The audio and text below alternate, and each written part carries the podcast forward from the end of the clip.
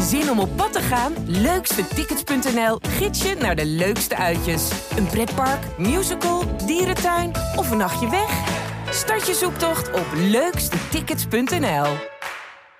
Dit programma wordt mede mogelijk gemaakt door Campina, trotse partner van NOC NSF. Een hele goede avond. Een goedenavond. We hebben een beetje haast. Ja. Ja. Want? We hebben twee lange gesprekken hebben we in deze prachtige podcast. We gaan praten met Maya Kingma Morgen een van de favorieten. bij de triathlon. Heel veel zin in. Ja, die hebben we al gesproken, want Thijs, die moest Om zes uur naar bed. om 6 uur naar bed. We zitten nu dit op te nemen diep in de Tokio's nacht. Ja, diep in de Tokio's nacht. En we hebben al een gesprek eh, gehad, want nou ja, dat vonden we wel zo eh, keurig om dat een beetje op tijd te doen, met Milan Vader. Tiende vandaag. In de Olympische mountainbike race. Dus die twee gesprekken eh, hebben we. we. beginnen straks met eh, Milan Vader, wat dat gaat volgen uit een gesprek wat we zo dadelijk gaan voeren, volgens Maya Kingma. Enzovoort, enzovoort, enzovoort. Het zal zichzelf wijzen. In de tijd dat jij dit hele, deze hele programmagids had, had, hebt gezegd, hadden we net zo goed kunnen beginnen. Laten we beginnen. Ja, we gaan beginnen. Nieuws van de dag. Tering Jantjes. Oh, Teringantjes. Dat gevoel heb jij toch ook, Theo? Ja, zeker. Hoe is het mogelijk? Hoe is het mogelijk? Hoe is het mogelijk? Het is een opeenvolging van... Nou ja, het gaat, dit gaat nu al dagen zo. Ja. Maar dit was wel weer een, een nieuw uitroeptekentje in het grote boek van clusterfucks. wat deze spelen tot dit moment is voor Nederland. Toen Nick Kieman eh, botste ook nog op een official, maar daar kon hij zelf weinig aan doen tijdens de training. Zere knie en alles. Maar ja, wat, eh, hoe Mathieu van der Poel zijn Olympische weg, eh, of zijn Olympische mountainbike race om zeep hielp. Dat tartte alle beschrijvingen, denk ik. Nou, Ja, je had gisteren over eh, Sven Kramer, eh, Vancouver. Ja, pas, past er Was ook in. deze er ook in? Ja, Plankjesgate. plankjeskate. Zo. Het Is vergeten de- plankje. Gaan we het zo Of in noemen? ieder geval, het, niet het vergeten plankje, het is andersom. Het plankje dat Van de Poel dacht dat er wel lag. Het niet bestaande plankje wat hij er toch fantaseerde. Het niet, niet vergeten plankje. Ja. We, hebben daar, we zijn even naartoe gelopen. Het is heel simpel te omschrijven. Het is gewoon het weggehaalde ja, plankje. we gaan zo, we gaan zo denk ik wel even, even verder over het hoe en wat van waarom dan ook. Hoe En het is meer een schans dan een plankje. Ja, oké, Ja, een plank. Het was heel een joekel van een plank. Ja. Dat was een pallet. Een pallet soort, ja. Ja. We, Nou. we zijn er even naartoe gelopen om eventjes een, een beeld te krijgen van hoe dat punt op het parcours er nou uitzag. En, Ja, dat is toch goed om het even met eigen ogen te zien ook. En op tv vonden we het al best wel heftig. Ja. Maar toen we er zelf stonden, toen dachten we echt wel... Holy, holy shit. Je rijdt gewoon op een soort ravijntje af. En je ziet dus gewoon helemaal niks voor je. En je rijdt over een, een soort schans, een steen, wat als een soort schans staat. Ja, en dan, ja, daar duik je dus gewoon in. Natuurlijk, die gasten kennen het parcours wel. Maar als je daar aankomt lopen, dan denk je echt van... Wow. En hoe- en je hoe duikt, verder? Ja. Ja. je duikt echt, echt hard naar beneden op een gegeven moment. Dus dat, dat was heel indrukwekkend. En als daar dus... eh, als jij denkt dat daar een plankje ligt... en je wil daar eh, ja, redelijk safe naar beneden... ja, dan duw jij je voorwiel naar beneden op het plankje. En dan rol je zo eh, ja, dat, dat, dat gat in eigenlijk. Ja, en totdat je erachter komt... ja, dat plankje staat er niet meer. Oh, dat moment. Dan heb je het zitten natuurlijk. Oh, ik, probeer me dat, ik, probeer me dat moment voor te stellen waarop Van de Poel over dat ravijntje rijdt, over de rand van het ravijntje rijdt, zijn voorwiel naar beneden drukt En er zit niks. en naar beneden en ziet dat het plankje waarvan hij dacht dat het lag er niet ligt. Er mist een stuk parcours. ja. Oh, Ja, goed, als het niet zo erg was, dan eh Nee, precies. zouden we Nee, erom de- lachen. Nou, het is echt, als je, als je, daar, als je daar staat en als je ziet ook hoe hard hij valt. En eh, hij zei zelf dat hij op een, met zijn heup ook op een steen terecht is gekomen. ja, dat dat, zagen- die- dat, zagen die, wij dat zijn die stenen die daar, daar zeg Naar maar... Ja, we onderlaag zagen, ja, ja. er liggen overal stenen daar. Ja, dit is, ik vind, nog echt een klein wonder dat het zo goed is afgelopen. Ja. Hij komt uiteindelijk, finisht hij zeg maar zijn val bij die hekjes in het, in het dalletje. Maar dat dus jij echt- bent naar beneden gerend. Ja, dan moet je, dat duurt even voordat je daar bent. Ja, maar dat, is- dat is... Nou, eh, qua hoogtemeters is dat zo 6, 7 meter lager. Ja, meer denk ik nog hoor. Ja, Het is echt, echt, echt, echt... nou ja, gewoon alsof je Een van, gat. van een huis af Ja. valt. Weliswaar met een klein... Ja, rijdt. Ja. En dan valt. Ja, dat je van het dak af van een huis Ja, af rijdt, zoiets. ja. Dit- het was eh, de- bizar. En toen heeft hij dus eh, besloten om door te rijden. Toen had hij een minuut achterstand op Ja. de kop van de wedstrijd. Ja, dat is het automatisme wat je hebt natuurlijk als Ja. renner. Kijk, Zo snel als- mogelijk de fiets Ja, ik, je bent, ik ben ook wel eens hard gevallen. En dan, dan, dan heb je echt pijn. En dan, dan wil je opstaan, maar dan, dan kun je eigenlijk bijna niet staan. Nou, dat duurt het eh, even 30 seconden en dan kun je op je fiets zitten. En dan ga je fietsen en op een gegeven moment ja, kom je er weer doorheen. Eh, en dat had hij ook natuurlijk. Je zag dat hij, dat hij echt op een gegeven moment soort van in shock was. En toen ja, ja, is hij toch weer verder gaan fietsen. En toen deed hij het eigenlijk ook best wel goed. Nou ja, die afstand werd niet veel groter. Nee, nee hij zat op een minuut en toen, ja. ja, gedurende een minuut of 20, 30, denk ik. Ja. Ja, ik, ja, ik heb contact met hem gehad. Hij zei dus dat hij... Ja, dat vroeg ik hem dus ook. Hoe ben je in godsnaam... Waar, ja, hoe, hoe rij je verder? Nou, hoe doe je dit? Ja. Ja. Ja, dus hij zei, ja, dat was maar echt puur op adrenaline. Maar het werd na 20 minuten werd de pijn steeds erger. En op een gegeven moment begon het echt te steken bij elke trap die hij deed. En dat werd steeds erger en erger en erger. Ja, tot het gewoon niet meer gaat. En ja, hij lag op dat moment 13 geloof ik. En de medaille zat er nooit meer in nadat hij was gevallen. Ehm, dus ja, op een gegeven moment is de adrenaline eruit. En dan ja, gaat hij natuurlijk gewoon voelen hoe hard hij op zijn, op zijn smoel is gegaan eigenlijk. En toen was het heel snel klaar. Afgevoerd naar het ziekenhuis. Ja. Daar heeft hij heel lang gelegen. Is iets gebroken? Niks. Oké. Heel veel kneuzingen, zegt hij, maar niks gebroken. En ja, dat is wel een soort van geluk bij een ongeluk, denk ik. Want dat had nog echt wel een stuk erger kunnen aflopen. En dan Ja. was het dus ook einde... Nou ja, normaal gesproken is het dan einde seizoen als je iets in je heup breekt. Dat herstelt Ja. over het algemeen niet super snel. Renaat Schotten dacht dat hij twee keer was gevallen, trouwens. Nee, dat is niet waar. Nee? Want hij is, op een gegeven moment is hij ingehaald door die Belgische jongen. Mhm. En die was ook gevallen. Ja, ik denk dat dat Dus- op het laatste stuk was. Waar hij dus eigenlijk al denkt, ja, shit, Ja, dit, ja. Hij, is, hij, hij is teruggekomen van plek 35 naar plek 13. En toen begon hij dus weer plekken te verliezen. Ja.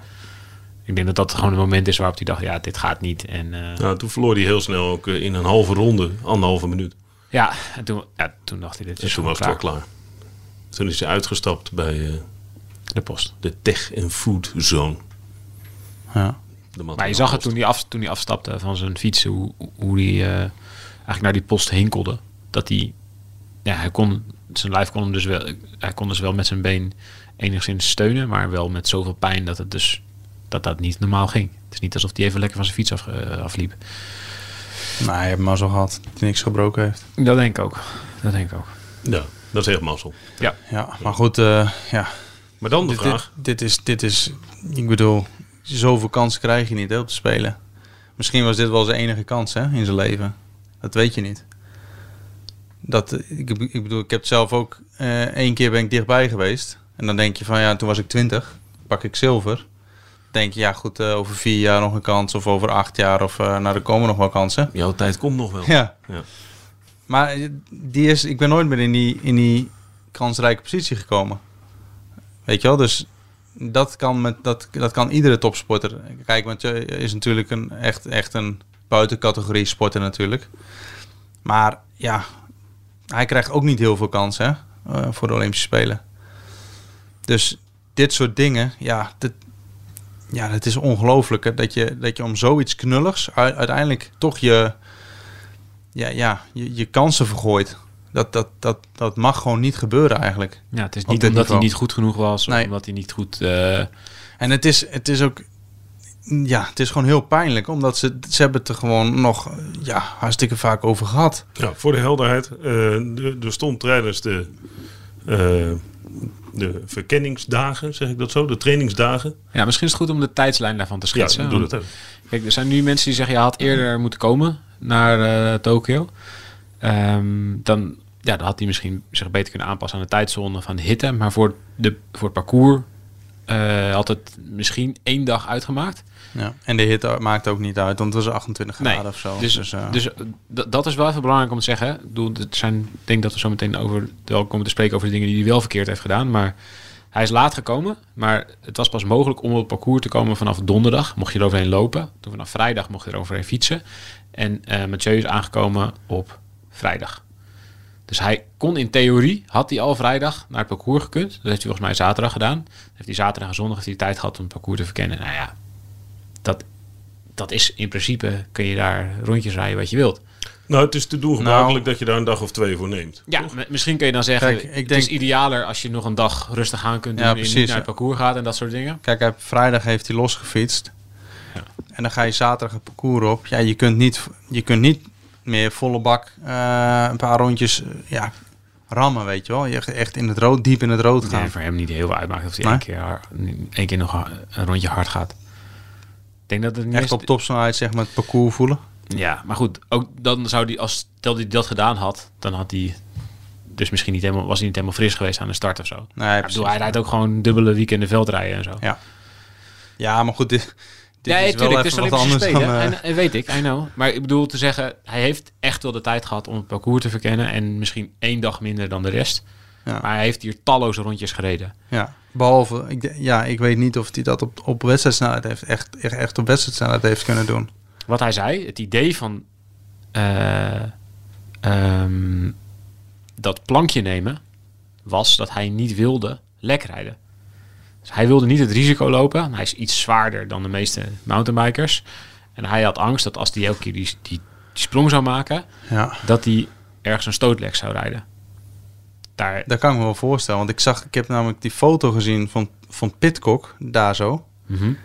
Die landt dan, of ja, ik weet niet of, het- of dat één shot was, maar ik heb in ieder geval een foto gezien dat Pitcock van die Sakura drop op die stenen landt. Nou, moet je eens op die banden letten. Die komen bijna, komt die met de vel gewoon op de grond, hè? Dat, Ja. zit, dat, zit- dat is helemaal plat gewoon. Ja. Dus dat, dat snap ik wel. Dus dat was je- een gereden angst. Ja, Nou, en, ja. en Pitcock is hartstikke licht. Ja. Ik vroeg dat aan, aan, aan andere mountainbikers en die, ja, die dachten er anders over. Maar goed, die zijn misschien iets lichter dan, dan Van de Poel. Ik zeg gewoon wat Van de Poel zijn beweegredenen was om even te kiezen voor een veiligere weg. Er is daar ook een B-lijn, helemaal buitenom, dat hebben we ook gezien. maar die is echt dat wel duurt- veel langzamer. Dat duurt zo lang voordat je dan weer... eh, Dus dat is echt de chicken run, zeg maar. Ja. Dan kun je linksaf. ja, Kon je ik, vind- ik ander- vond het geen chicken run. Nee. Eh, dat was ook Van de chicken run had ik ook niet afgedurfd met de fiets. Laten we dat, Levensgevaarlijk, laten we dat duidelijk maken. Moest je net zo goed een trap afrijden in een soort Twee afdaling. boomstammen over. Ja. Maar goed, wat Van der Poel dus wilde, wat, hij wilde daar dus een soort voorzichtigheid inbouwen. Niet lek rijden. Ik voel me zo goed. Ik ben zo goed in vorm. Ik ga hier gewoon geen risico nemen. Ik neem elke keer het eh, plankje naar beneden, zodat ik gewoon smooth ja. naar beneden rol en geen kans loop om lek te rijden. Want lek rijden bij mountainbike is, Ja, dan ben ik klaar. is klaar. Ja, dan ben je klaar. Ja. Ehm, dus ja, hij zei eigenlijk, zo, hij maakte er ook een grapje over van ja, doe ik eindelijk eens een keer voorzichtig en dan krijg je dit. Dus hij heeft helemaal in, voor zichzelf heeft hij in zijn hoofd geprent, ik ga daar geen risico nemen op, op lek rijden, ik neem, neem die plank. Alleen, ja, hij is misschien gewend vanuit het veldrijden of zo, dat het parcours er wat er ligt in de verkenningen, dat het altijd hetzelfde blijft. Maar dat is bij mountainbiken anders. Ze geven de mountainbikers die daar verkennen de kans om het hele parcours te zien, zonder dat je elke keer daar die jump hoeft te maken, zodat je die jump kunt zien en kunt voelen hoe kom je daar nou aanrijden. En je kunt dan kiezen in die verkenningen, spring ik of wil ik eerst nog een beetje kijken hoe de rest van die afdaling loopt. Daarvoor ligt die planker. Ja, maar ah, hoe heeft toch talloze mountainbike-wedstrijden gedaan. Ja, Hoe krijg je het voor elkaar om dat niet te weten? maar niet zoveel als, als al die andere mountainbikers. Hij, doet, hij, rijdt, je? nee, hij rijdt natuurlijk niet zoveel mountainbike-wedstrijden als die andere gasten. Nee, maar goed. Je bent op de Olympische Spelen. Eh de, eh, Gerben de Knecht heeft honderd keer tegen hem gezegd... dat er die, die plank daar weggehaald wordt. Heeft, eh, dat heeft Gerben de Knecht gezegd. Waar de- ik ga je uitleggen waar de miscommunicatie zit. Dat, dus- Milan Vader heeft... Ja. Hebben ze een discussie gehad. Zeker. Ik ga je ook uitleggen waar diezelfde Maar als je dan, als, je, zit. als, iemand, als mensen dat tegen je zeggen, ja, dat- ja, dan ga je dan, ga je checken. toch, ja. dan ga je toch, oh, Ja. oh hè? Nee, volgens mij blijft hij er, eh, daar staan, dat ding. Maar goed, ik laat ik het even... vraag ik, maar, maar, maar ligt hij er nou of niet? Ja, precies. Bel- ga, ga even kijken, vlak voor de start. Ja. Is dat ding er nou? Dat zou ik echt wel willen weten. Ja. Voordat ik een ravijn inrij, zeg maar. Toch? Ja, dat Ja, maar Roodhoofd eh, is nee. hier toch ook? Die kan het toch ook checken ja, dan? Ja, Je loopt er zo naartoe. zeker. En ze hebben hem ook, wat ik gek vind, en dat, dat kan denk ik, dat kan de begeleiding zich wel aanrekenen. Ik denk dat Van der Poel zichzelf vooral moet aanrekenen. Maar ik denk dat de begeleiding het wel kan aanrekenen dat ze hem in de dagen ervoor alleen maar van dat plankje hebben zien afrijden. Ja, maar dat, ik heb daar ook filmpjes over gezien. En dan daar springen ze over dat plankje heen. Ja, maar dat heeft Van der Poel dus denk ik niet gedaan. Ik vraag me af of hij daar heeft, Ja. heeft gesprongen. Dus dat, dat- hij heeft dus in de verkenning eigenlijk ook nooit die sprong gemaakt. Volgens mij, Nee. Nee. Dan heeft hij dus al heel vroeg gedacht... hé, hey, er ligt een plankje, daar ga ik Ja. op deze manier gebruik van maken. hij is al een keer lek gereden in de verkenningen. Ja. Ja, Eh, Maar dat was, ja, dat was in een bocht of zo, toch? ja, was op, een ander, was Ja. een ander, was op een ander punt. Maar Ja. ik denk dat, dat hij was wel, gisteren, dat was gisteren wel dacht, hmm, hmm, hmm. Ja. ja. Ik Maar- moet er wel rekening mee houden. Maak maar, ik ga dus verhaal afmaken. Gerben de Knecht zegt het eh, x keer tegen de Milan Waar- Vader ook. Waar zit de De miscommunicatie? miscommunicatie zit bij het test-event. Twee jaar geleden, 2019, normaal gesproken het jaar voor de Spelen. Ja. Is er, er is altijd het jaar voor de Spelen is er een test-event. Ehm, en dat is in wielrennen eh, zeker gebruikt. nee, ik ga, laat me even, laat me, Nee, laat me het even- even vertellen. Even vertellen. En Want hier gaat wel, hier, komt, ik kom tot een punt. Oké. twee, de twee jaar daarvoor is er een, een test-event. Eh, daar kun je dus naartoe komen, kun je het parcours bekijken. Het geldt voor de wegrit net zo goed. Het geldt voor andere onder, het geldt voor het kanovaren ook. Weet je, ja, die faciliteiten liggen er. Er worden testwedstrijden gehouden. Jij mag zelf weten of je eraan meedoet of niet. Dit parcours was er twee jaar geleden ook. En dan misschien dat er een, een klein nuancetje ergens is veranderd. Dat een bochtje net een klein beetje iets meer is uitgediept. Dan, ja, het blijft wel gewoon natuur natuurlijk. Maar precies hetzelfde was er twee jaar geleden. Tijdens Twee jaar geleden? 2019. De Spelen zouden worden gehouden in 2020, weet je nog? Ja, ja, maar ik, ze zijn twee jaar geleden begonnen. Ja. Dus dan, dan was het net af eh, dan, het parcours. Ja. Ehm, tijdens de verkenningen voor die test-event lag die planker. Die hebben ze volgens in de wedstrijd hebben ze weggehaald. Net als nu. Gewoon precies hetzelfde. Oké. Ja, je kijkt heel ver- verrast naar, maar dat is niet zo verrassend toch?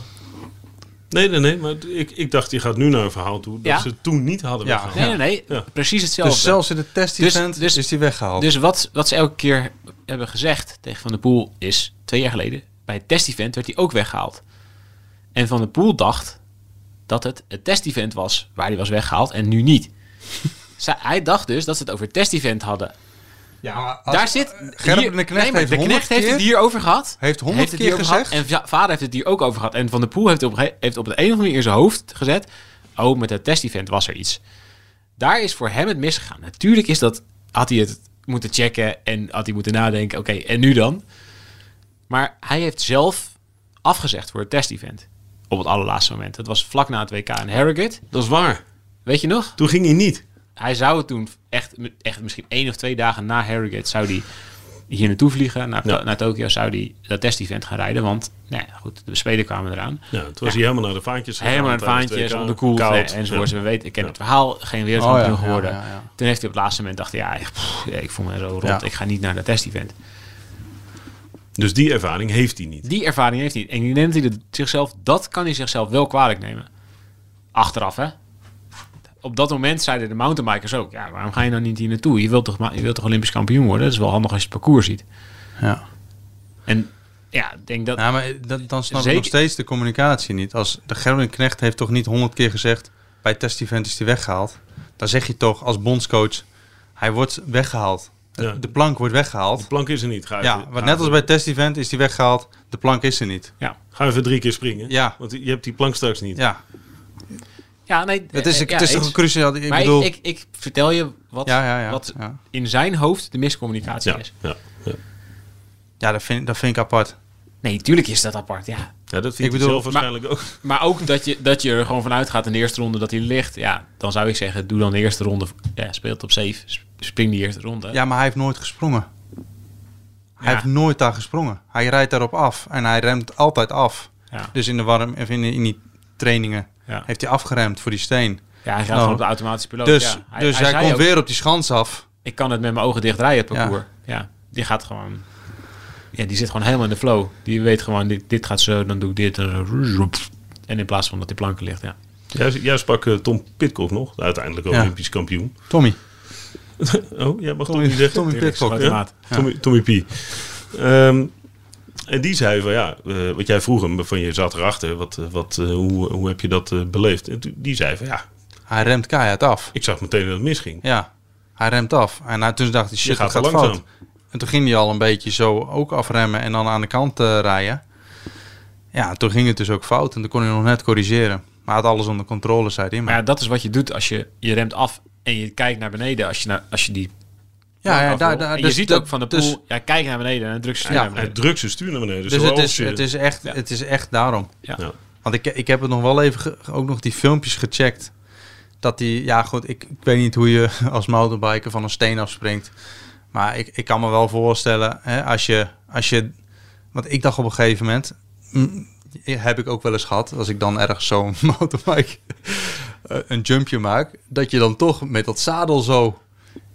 Ja, de- dat, die duwt jou dan toch eventjes zo voorover. Hè? I- nou, iedereen heeft het wel eens Ja, meegemaakt. komt tegen het zadel. Ja, Het je, zadel je springt en dan, en dan, ja, dan gaat toch dat zadel zit zo daaronder en dan ja, val je een beetje zo voorover op je voorwiel.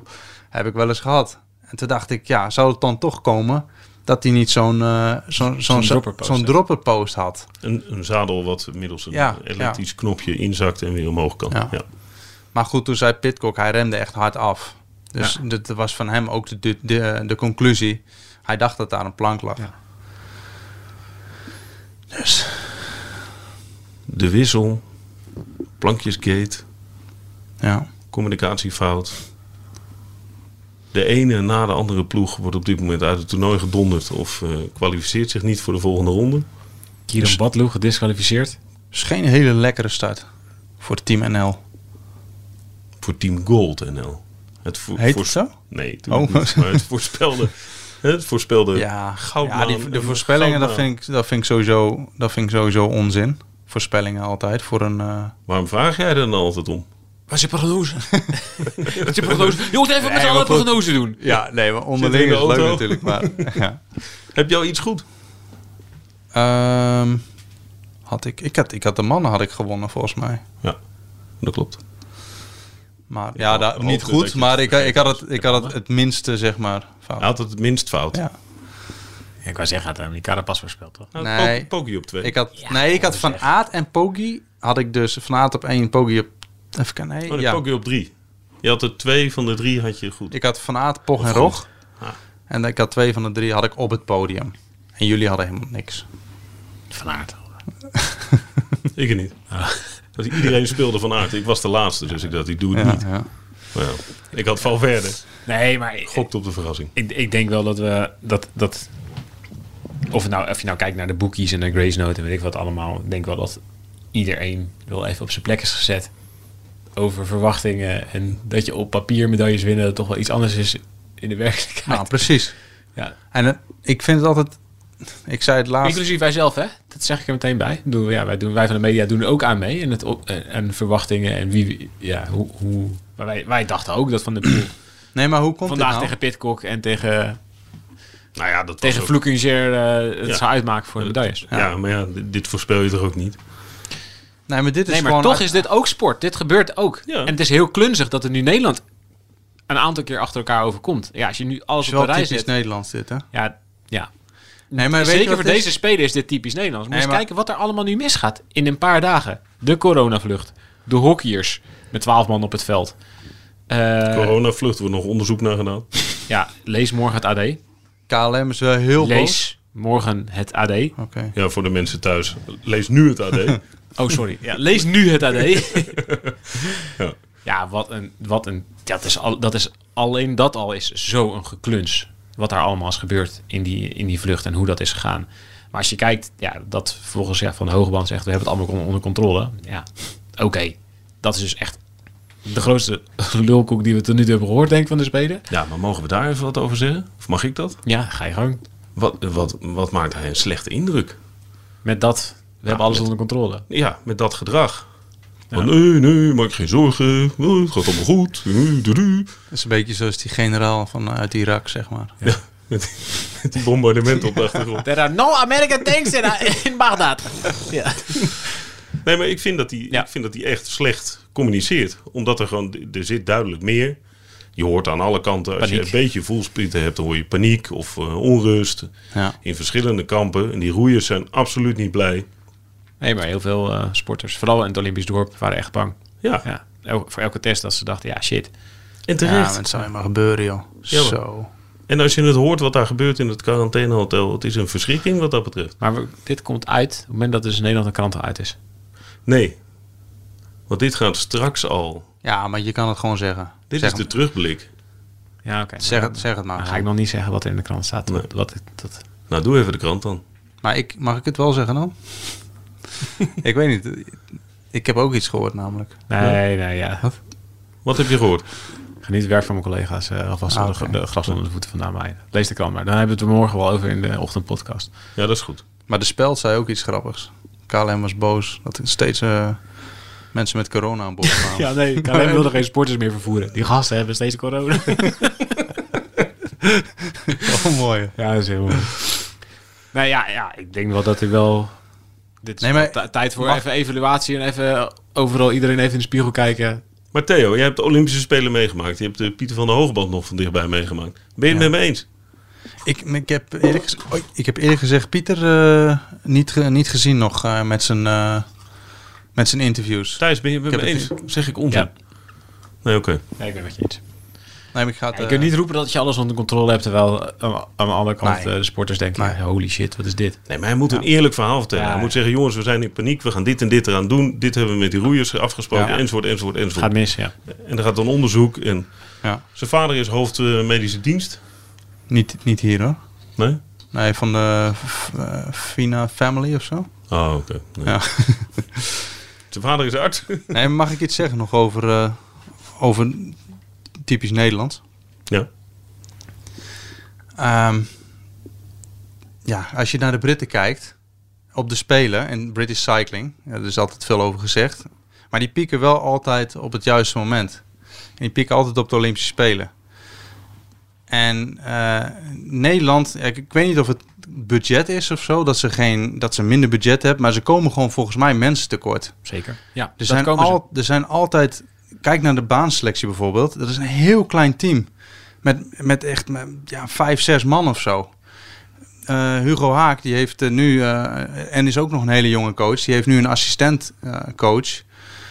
Maar die, die doen dan alles met z'n tweeën. Weet je wel? En dan kun je. Dan sluipen er wel foutjes in, Ja, zeg maar. Dit, dit, wat je nu zegt, dit is denk ik de, de essentie van Ja, hoe we in Nederland topsport beleven. Het moet, we moet veel opbrengen en het moet weinig kosten. ja. En we hebben vandaag, ja, als je kijkt naar Pitcock, we hebben staan kijken, die, die mensen die met zijn fiets wegliepen, wat een trouwens een fiets was, die hij helemaal zelf bij elkaar mocht zoeken. Eh, zwart gespoten, ja. gewoon de beste, best mogelijke materialen. Hij reed op een, volgens mij op een BMC, als ik het eh, goed geïnformeerd Heb ben. ik ook eh, gehoord toen ik hem postte. Ja. Ging, ging in twee kartonnen dozen, eh, Ja. ges- gesloten. Gingen Ja, ze weer wat niet zijn sponsor is, want hij rijdt voor Ineos. Ja. Ja. Die rijdt op Pinarello. Ehm, maar alleen de mensen die daar al bij stonden, daar stonden al 7, 8 man Ja, om de fiets alleen heen. ja. Dat was alleen begeleiding voor Pitcock. En Ja, dat, heeft het Nederlands, dat heeft de Nederlandse mountainbike. Ja, die hebben, die hebben de knecht, die hebben een paar mensen daar rondlopen. En dat is het. En ja, we moeten, daar moeten we heel is, eerlijk in wat zijn. Is, inderdaad. Wat, is, wat was het team van, van Mathieu daar? Hij had, hij, dat is geen team waar hij zeg maar... eh, het, het team wat hij om zich heen heeft gehad... waar hij jarenlang mee heeft samengewerkt om tot dit punt te komen. Komt hij op een punt waar hij echt top moet presteren... is alleen eh, Roodhoofd is hier aanwezig van dat team. ja, dat is Toch? wel, nou goed, dat is wel een van zijn beste en meest close begeleiders. Ja, maar goed, dat is toch niet, dat is toch niet genoeg? Nee, maar datzelfde geldt natuurlijk. En dat, dat is wel een, een eh, rode draad die je ook kan trekken naar de vrouwenwedstrijd. Daar staat de fysiotherapeuten, moet uiteindelijk met een whiteboard staan Precies. in de pitstraat. Ja. En ja, de KMU is een ondermande, ondergefinancierd, onderbemande, ondergefinancierde organisatie. Ja. Zoals vrijwel alle sportbonden in Nederland. En eh, ja, daar zijn gewoon regelmatige reorganisaties omdat er ergens geld moet worden bezuinigd. Ja, maar dus budgetair eh, Ja. zijn we veel minder dan bijvoorbeeld een land zoals Groot-Brittannië. Nee, daar wordt gewoon. En daar, daar, daar loop, je, loop je op dit moment, Ja. met, als je Ja, echt op, je op de. Olympische Spelen moet presteren, loop je daar tegenaan. Dat ben ik met je eens.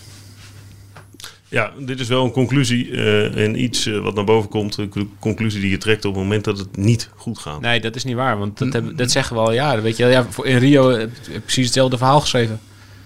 Dat het gewoon, ja, de Nederlandse sport hangt aan elkaar van private sponsoren, van Ja.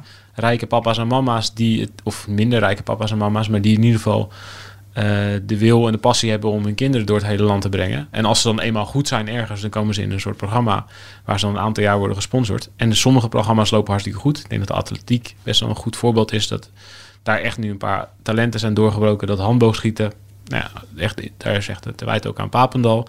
En je ziet ook dat de programma's waar je dus geld in steekt, ja, dat brengt op. Uiteindelijk is Ja. ja, als je gaat kijken naar alle landen bij elkaar en wat levert nou succes op, is het heel lullig gezegd geld. Ja. De meeste welvarende landen hebben de meest Wij zijn, uiteindelijk, sporters. we zijn uiteindelijk goed omdat we welvarend zijn. En uiteindelijk Ja. zijn we. Hè, en, maar we zijn nu dan zeg maar altijd top 10 in de, op de Olympische Spelen. Omdat we met die kennis en kunde altijd wel weer een bepaald niveau halen. Maar toch op het, op het allerhoogste niveau. Dan ja, verliezen we toch vaak van bijvoorbeeld een land als Groot-Brittannië. Die het dan ja, gewoon beter voor elkaar heeft. Beter materiaal. Ik kijk dan naar de baan bijvoorbeeld. Die jongens rijden op een goede fiets. Die worden gesponsord door Koga. Die Koga heeft gezegd, oké, we maken een nieuwe baanfiets. Nou, super frame. Maar een fiets heeft ook wielen, krenkstel, eh, zadel, eh, pedalen, banden. En als je dat vergelijkt bijvoorbeeld met Japan, die, die, die krijgen nu enorm veel support voor de Spelen. Ja, die, hebben, die hebben complete fiets helemaal zelf gebouwd, weet je wel. De Britten, eh, heel die fiets helemaal zelf gebouwd.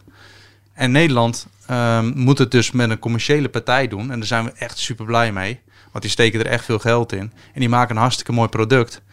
Maar dan moet je toch nog op een gegeven moment weer naar een sponsor toe van... Oké, eh, willen jullie sponsoren? Oké, nou super mooi.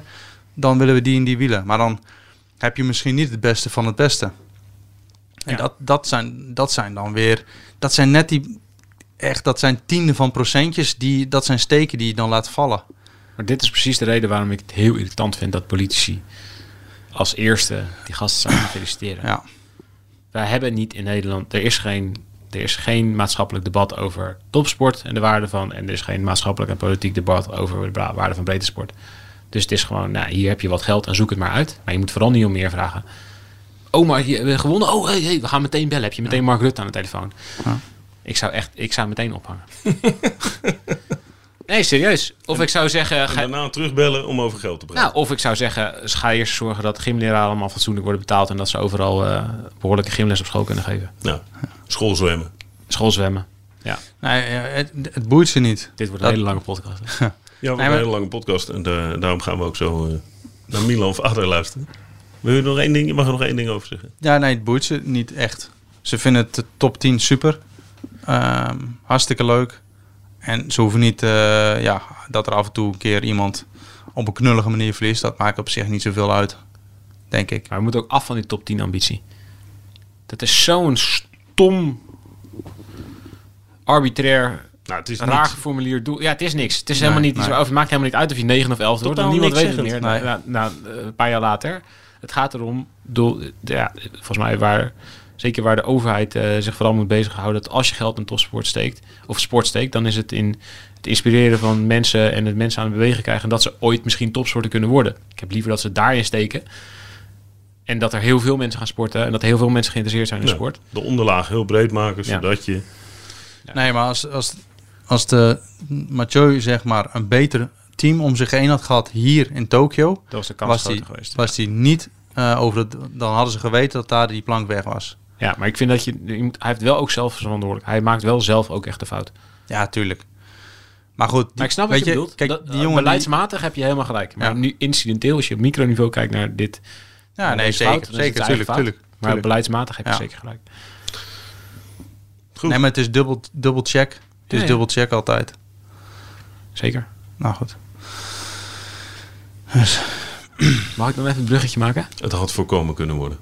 Ja. Ja, Hoe vet is mountainbiken? Jij was er Heel vandaag voor het, ja, jullie waren er vandaag allebei voor het eerst. Ja, het is echt fucking cool. Oh, wat Ja. was- in een soort stadion. Nee, je hebt er gewoond hier, eh, Theo, hier Ja, dat om is de hoek. fantastisch. Nou, het was, dat was wel een extra. Je kon ze overal zien Ja, rijden. je kon ze overal zien. rijden. Het was echt Ja. helemaal te gek. Je was ook af en toe kwijt. is namelijk ook leuk als Ja. je kijkt. En hé, hey, daar zijn ze. En dan, oh, die ligt nu voorop. Het was zo mooi dat we... Het was snoeihard. Heel erg. Ja. Helemaal naar de, na twee Helemaal naar de rondjes was iedereen al Ja, helemaal naar de vaantjes. dat vond ik ik vond het wel mooi dat, dat we aankwamen dat we best wel laat waren. Dus wij op een gegeven moment sprinten. Dus Keurig op die- tijd noem je dat. Keurig op tijd. Theo, en ik waren 30 seconden voor de start. Liepen wij het Stonden in. we, stonden we aan het hek op een gegeven moment. Nou, er was nog vijf seconden volgens mij. We stonden aan het hek ja. en het was Ja. nog vijf seconden. Precies op tijd. Nou, die gasten rammen voorbij. Mathieu had, had allemaal... ja, Had dan, had, zag je dat ook? Dat hij heel veel vocht van zijn gezicht liep, liep af. Bij de start. Ja. Ik denk Ah, dat was aan het koelen, koelen, ja, aan het koelen geweest, ja, ja. gegooid voor de start. En eh, ja, die, die staat ook fantastisch natuurlijk. Weet je wie nog beter startte? Ja, Milan Vader. vader. Zo. Doet hij vaak, hè? Ja, is hij goed in, hè? Zei hij. Ja. Ja. Heb ik niet zo moeite mee, zei hij na afloop. Ja, het is Ja, gewoon een van top- de beste mountainbikers van de wereld. En het is soms wel een beetje lullig dat hij in de schaduw staat van Van der Poel. Hij rijdt wel heel veel mountainbike-wedstrijden. Hij wint ze regelmatig. Hij is Nederlands kampioen. Hij rijdt eh, op podium op het Europees kampioenschap. Ja, hij is rijdt gewoon al jaren. Hij rijdt gewoon in een van de grootste ploegen van de wereld. Zo'n wereldtop mountainbike. En dan komt er dus aandacht voor mountainbiken. Maar dan is het dus vooral omdat er een soort van Fenomeen. Ja. fenomeen overwaait. Ja. Waardoor iedereen vergeet dat Milan Father, zoals de speaker het zei, Vader Lou. ja, dat hij ook nog meedoet. Ik, eh, ik vroeg nog van eh eh, Milan nou, een paar vragen. Oké. Ja, als me niet over uh, Mathieu gaat. eh, Hij was, zoiets. hij was er helemaal klaar mee. Hij er helemaal Oh, ga, je, ga je vragen over Mathieu stellen? Gaat over Mathieu volgens mij. ja. Nee, het gaat nou ja, acht jaar mee bezig geweest, door je tiende. ja. ja. Nou, ik heb 86 vijf vragen vijf vragen over zijn koers en twee over Mathieu. En daar was hij ook eh, vrij eerlijk eh, in zijn antwoord. Hij is heel, eh, die jongens die... eh, ja. Maakt van zijn hart geen moordkuil. Nee.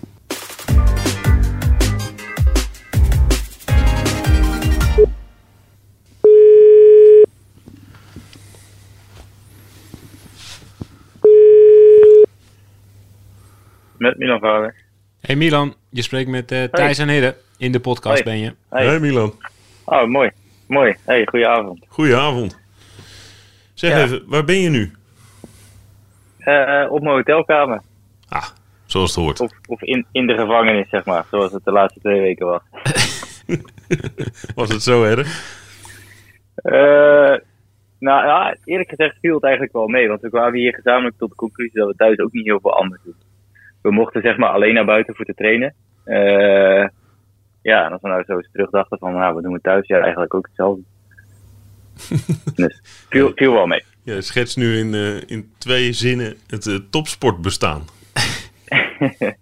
Ja, dat klopt. Ja. Maar dat betekent niet dat het niet leuk is hoor. Het, eh, het is wel eigenlijk ook al waar ik van kan genieten. Dus eh, nou, prima. Heb jij je zorgen gemaakt over eh, coronabesmettingen de afgelopen dagen? Nee. Nee, nee. Ik ben wel heel voorzichtig geweest. Eh, dat moet ook. Eh, ook. Ook voor de anderen natuurlijk. Maar ja, persoonlijk maak ik me niet heel erg eh, druk over corona. Nee, waarom niet? Eh, ja, weet ik niet. Misschien sta ik daar, ben ik daar te nuchter voor. Ik weet het niet. Ik, ik, ik, ik geloof zeker wel dat het gevaarlijk kan zijn, zeg maar. En ik, ik, ik, ik geloof ook wel dat ik het kan krijgen. Maar ja, ik weet het niet. Het is niet dat ik er heel bang voor ben. Maar dat is ook volgens mij omdat jullie in het Olymp- niet in het Olympisch dorp zitten, maar ergens anders. Ja, dat, dat, dat scheelt ook wel. We zitten hier in een hotel wat... eh, ja, eigenlijk zitten we met de ploeg eh, in quarantaine hier zo. Voor de, voor de rest zijn er geen andere gasten. Ja. En zelfs het personeel van het hotel, die zit hier twee weken met ons in, eh, in quarantaine. Oh, wauw. Ja. Dat is goed geregeld. Ja, nee, dat klopt. Eh, we hebben het hier echt al heel goed voor elkaar.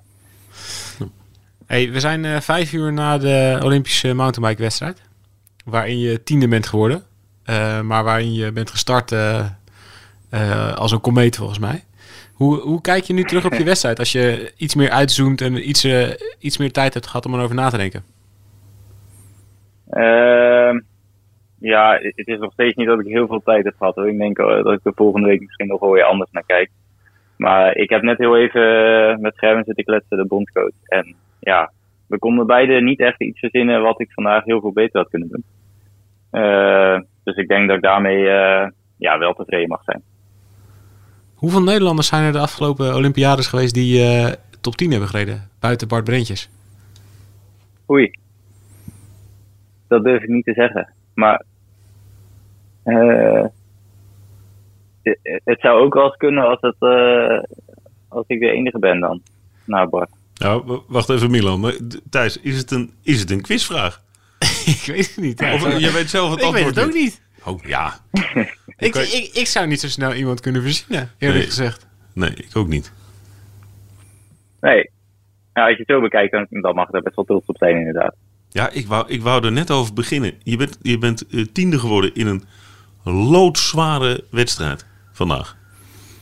Ja, ja loodzwaar was het inderdaad wel. Maar ik ben acht jaar geleden dit eh, traject begonnen. Eh, en dat was toch wel met een ander doel dan een tiende plek, zeg maar. Eh, en ik had me van tevoren ook al bedacht van, goh, ja, stel ik word tiende of twaalfde, kan ik daar dan tevreden mee zijn of niet? Ja, daar kon ik eerlijk gezegd ook geen antwoord op geven. En dat vind ik nu nog steeds lastig. Ik, ik kwam net bij het eten terug en, en iedereen vroeg van, goh, hoe ging het? Eh, vooral de dames dan, wat vond je ervan? Ik zeg, ja, ik ben niet 100% tevreden, maar ik kan nog wel lachen. Ik denk dat dat de beste omschrijving is. Mooi. Maar ik vind, ik vind het mooi hoe jij je sport beleeft. Want ja, ja, je hebt me ook wel eens uitgelegd dat je het liefst zoveel mogelijk druk hebt... en dat je jezelf zoveel mogelijk druk oplegt om eh, tot een zo goed mogelijke prestatie te komen.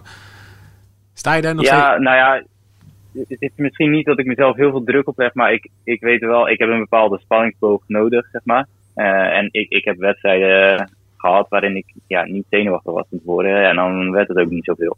Dus ik heb die zenuwen ook echt wel nodig. En eh, druk, ja, het is niet zozeer dat, het is meer die spanningsboog, zeg maar, wat ik mezelf opleg. Want druk van anderen, ja, dat, daar heb ik eh, eerlijk gezegd niet zo heel veel last van. Dat is, ik geloof meer dat het iets is wat je jezelf oplegt. Waar, waar, waar komt dat vandaan? Eh, want je zei net ook al dat je nuchter was. Dit is ook een heel nuchter, zelfbewust antwoord. Is dat aangeleerd gedrag of zit dat in de, in de natuur of de opvoeding? Ja, daar heb ik ook heel veel over nagedacht. Sowieso vind ik dat filosoferen over het leven best wel leuk. Maar ik, ik denk dat heel veel is aangeleerd. En ik denk dat het vooral te maken heeft met de omgeving waarin je opgroeit. Eh, ja, dat is een stukje vanuit thuis, vanuit mijn ouders natuurlijk gekomen. Eh, misschien Zeeland. Zeeuwen zijn over het algemeen wel nuchter volgens mij. Ja, best wel. Eh, dus ja, nee, ja, ik weet niet. Ik denk, eer- om antwoord te geven op je vraag, ik denk eerder dat het aangeleerd is. Ja, oké.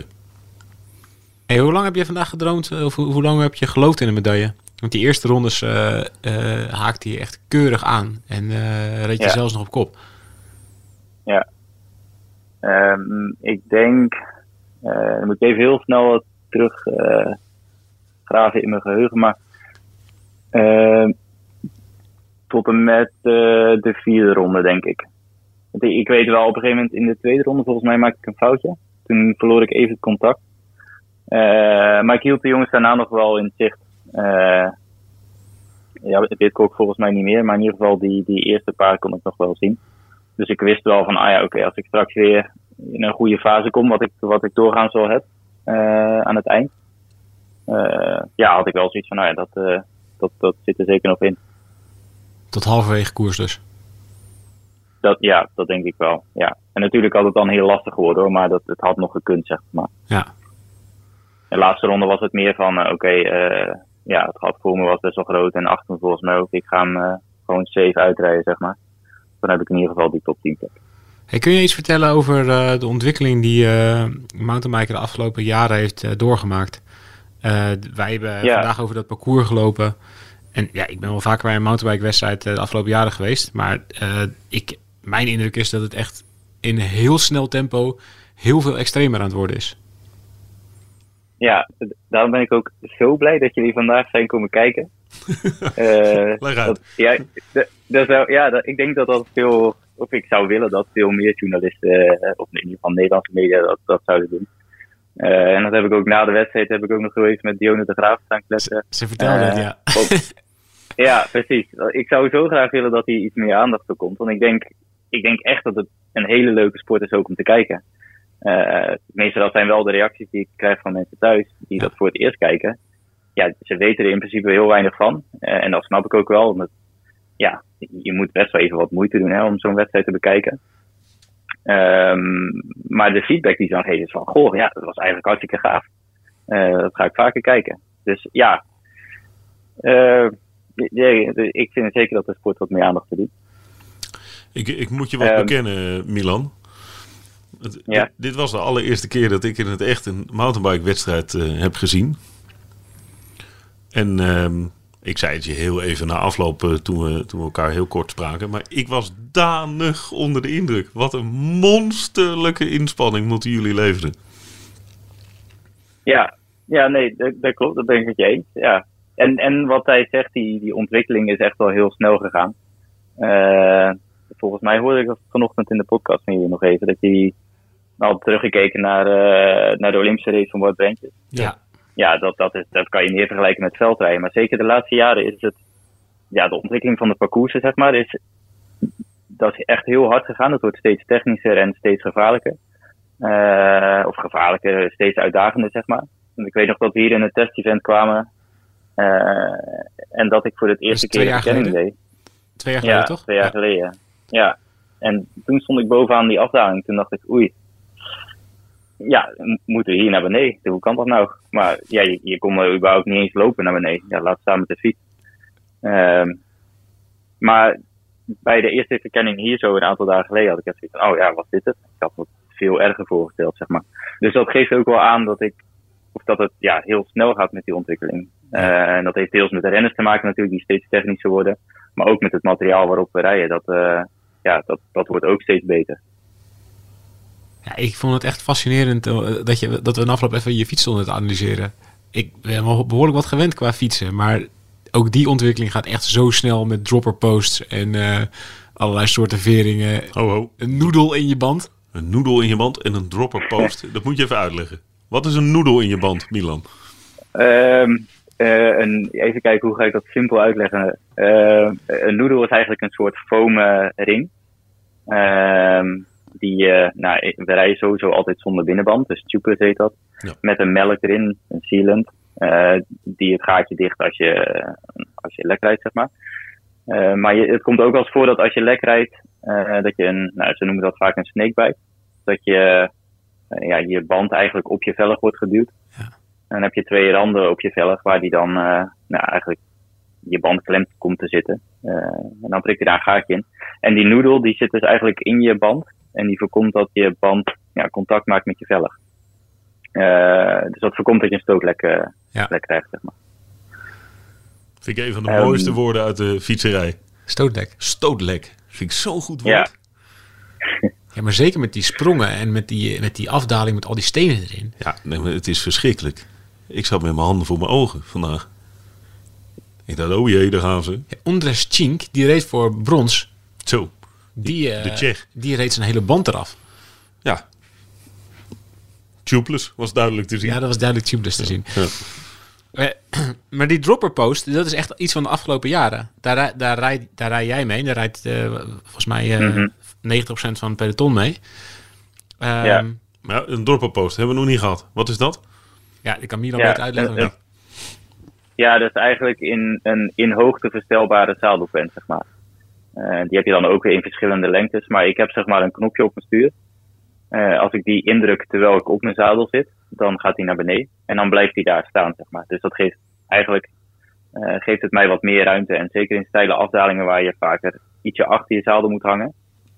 eh, ja, zit vaak je zadel in de weg. En doordat je die nu naar beneden kan doen, nou, heb je daar even wat meer vrijheid. En dus meer, eh, nou, dan kan je harder naar beneden, simpel gezegd kom je beneden aan de afdaling, druk op dat knopje en dan schiet hij weer omhoog. En staat hij weer op de ideale zadelhoogte, zeg maar. Ja, ik vind dat waanzinnig. Ja, het is echt een fantastische uitvinding. Ja. Ik ben ook echt benieuwd wanneer ze er op de weg van gebruik maken. Of het mag überhaupt. ja Als jij op je, als je, als jij op je, als je op je bovenbuis wilt zitten, maar het mag niet, dan kan je Maar je je doet een dropperpost. verlagen. Ja. ben je ook extra... Nou goed, laat maar zitten. Ehm, hey Milan, eh, een vervelende vraag. Hoe is het om eh, vandaag in de, in, in de, in de storm eh, of in, de, in het oog van de orkaan te staan met de plankjesgate van Van der Poel? Ja.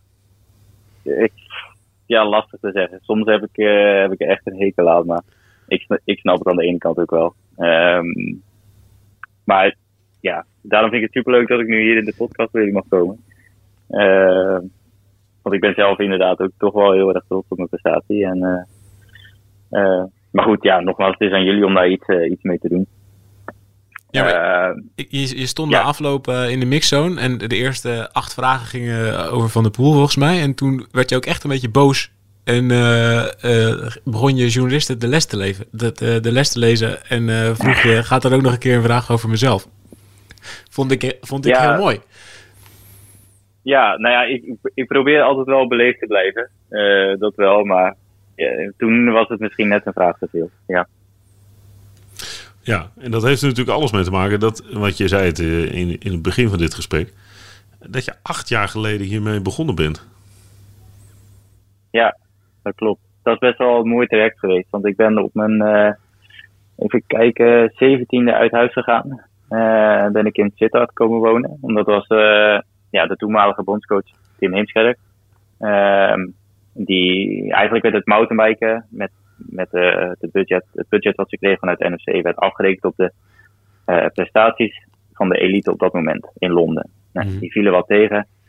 Eh, en Tim, de, de bondscoach, had zoiets nou weet je, als we dat om willen draaien, dan moeten we eh, renners vanaf een jonge leeftijd opleiden. Dus hier is een programma gestart, eh, een voltijdsprogramma. Dus we zijn met z'n allen naar Sittard uit. Ik samen met eh, nog zes andere jongens. Eh, en hebben daar ja, dag in dag uit naar deze dag toegewerkt, zeg maar. Eh, met alle begeleiding erop en eraan. En daar werden we echt ja, klaargestoomd om, om topsporter te worden. Maar was, was dit, eh, deze dag vandaag, was dat het eindpunt? Of was dit een punt waar jullie naartoe werkten? Nou, jammer genoeg is het programma een aantal jaren geleden gestopt. Eh, ja, dat had ook iets met budgetten te maken en een wisseling van technisch directeur volgens mij binnen de KNVB die een iets andere visie op had. Ehm, dus dat is, maar dit was, dit was wel eh, het eindpunt inderdaad. Het, het doel was om dan iemand afgeleverd te hebben nou, die profwaardig is en gewoon mee kan draaien in het eh eh, ja, profcircuit, zeg maar. Maar dat doe je. En als ik het goed heb, zat Anne Terpstra ook in het project, of niet? Eh, nee, niet in het project dat wij hebben doorlopen. Oké. Nee. Maar die, is ook, die komt ook uit Zeeland en die is ook op een gegeven moment elders eh, de huil gaan zoeken, toch? Eh, dit Ja. moet, je, moet je aan een ander vragen. Ja, dat is een Ik kan het beter vertellen. Ja, dat is een goeie. Ja, anders gaan we gokken. Slaat ook nergens op. Ja. Eh, zijn er punten geweest dat je dacht, weet je wat, hartstikke leuk dit hele traject. Ik kap ermee. Ja. Nou, ja. Ik kap er mee en dan twee seconden later. Nee, nee, nee, dat kan ik niet doen. Ik ben hier nou begonnen, dat moet ik afmaken. Eh, maar er zijn wel echt momenten geweest waar, eh, ja, waar ik het even moeilijk had, zeg maar. Eh, een van die momenten weet ik nog heel goed. Toen zat ik daar dus in Sittard. Ehm, en dan was ik op dat moment aan het voorbereiden op een belangrijke wedstrijd. Ik weet niet precies goed welke, maar ik zat in elk geval in een hoogtetent. En daar moest ik 16 uur per dag in zitten. 16 Eh, uur? Ja, 16 uur per dag. Lekker. Eh, ja, ik denk dat ik toen 18 was of zoiets. Ehm, en verder was er volgens mij niemand thuis in die weken. Eh, en ik zat daar 16 uur per dag en op een gegeven moment ja, had ik het zo hoog zitten, zeg maar, dat ik in huilen uitbarst en dacht, "Pff, wat ben ik eigenlijk aan het doen? Eh, ik had het idee dat ik zo ver afgezonderd werd, zeg maar, van de ja, normale wereld Uh-huh. als ik dan even thuis was bij mijn ouders in Zeeland en die vroeg van, goh, die en die is jarig, ga je mee naar verjaardag? Dan had ik echt zoiets van, ja, eh, ja dat, dat durfde ik bijna niet meer. Ik had echt geen idee waar ik, waar ik het over moest hebben. Ik, ik kon alleen maar over fietsen praten, zeg maar. En toen had ik wel zoiets van, oh, ik moet wel echt iets gaan veranderen. Eh, en, en ook iets meer van de wereld gaan ontdekken, zeg maar. Dat heb ik gedaan. Ik heb een aantal supermooie keuzes gemaakt. Eh, buiten mijn comfortzone, zeg maar. Eh, ja, die echt wel een paar luikjes hebben geopend. Ehm, en, en ja, daar kan ik nog steeds enorm van genieten. En ik ben ook echt wel veranderd in die zin, denk ik. Dit, dit vraagt wel om een, om een najaars real-life eh, Podcast. podcast gesprek. Komen we bij bezoek. Ja, nee, dat is goed. Ja. Afgesproken dan hè, bij deze. Ja, leuk, bij deze. Ja. Ja, nee, dat is goed. Ben je nu al bezig met, met Parijs? Zit er al een, een, een deurtje in je hoofd wat daaraan denkt? Of is het eh, daarvoor te vroeg? Ja. Nee hoor. Nee hoor, maar dat had ik afgelopen week al. Ik dacht, ah, volgend jaar moet ik toch in het begin van het jaar ook op hoogte ik. Dus ik was al nadenken van, wat kan ik dat doen? En dus ja, daar ben je dan toch een beetje over na aan denken. Los van dat je, ik moet natuurlijk wel gewoon focussen op deze wedstrijd vandaag. Dat is ook wel gelukt. Maar toch altijd in je achterhoofd gaat het wel door. Hey, we hebben het hoop, hoop over wegwielrenners die naar het mountainbike overstappen. Maar is eh, Ja. de overstap andersom ook mogelijk? Kun jij overstappen naar het wegwielrennen? Ja, ja, ik denk zeker dat dat kan. Want eh, er zijn genoeg voorbeelden volgens mij. Eh, wat is het met Sagan, Cadel Evans? Eh goh, ja, noem ze maar op. En Ja. ik denk dat, dat, eh, dat het me ook wel ligt. Zou je het willen? Eh, misschien. Dat weet ik nog niet. Ben je al aan het praten met lijkt me wel ploegen? leuk. Nee, nee, nee, nee. Dat nog niet. Ehm, ik, heb, ik heb eerst wel even de focus op To- eh, Tokio gehouden. Dat, eh, dat wilde ik sowieso. Dat ik daar geen, eh, geen, geen afleiding voor had, zeg maar. Maar ja, nee, ergens lijkt het wel, me wel leuk. Maar dan kijk ik zo'n koers op tv en denk ja, die 150 kilometer daarvoor, daar, ja, daar is ook weer zo saai, zeg maar. Ja, ik weet niet of dat echt zo is, maar dat, dat lijkt me saai. Die finale is wel, wel spannend. Ja. Ik vind het zo heerlijk menselijk. Kunnen ploegen bij je aankloppen als ze dit horen?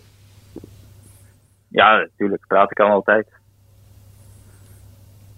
Nou, dat, dat is een goeie. Ja. Ja, serieus, de watts, die, Ja. kilo die hij kan duwen. Met stuurvaardigheid erbij. Ja, je zou weinig moeite hebben in een peloton eh, op een rotonde. Ja, niet in slaap vallen. Dat is het moeilijkste.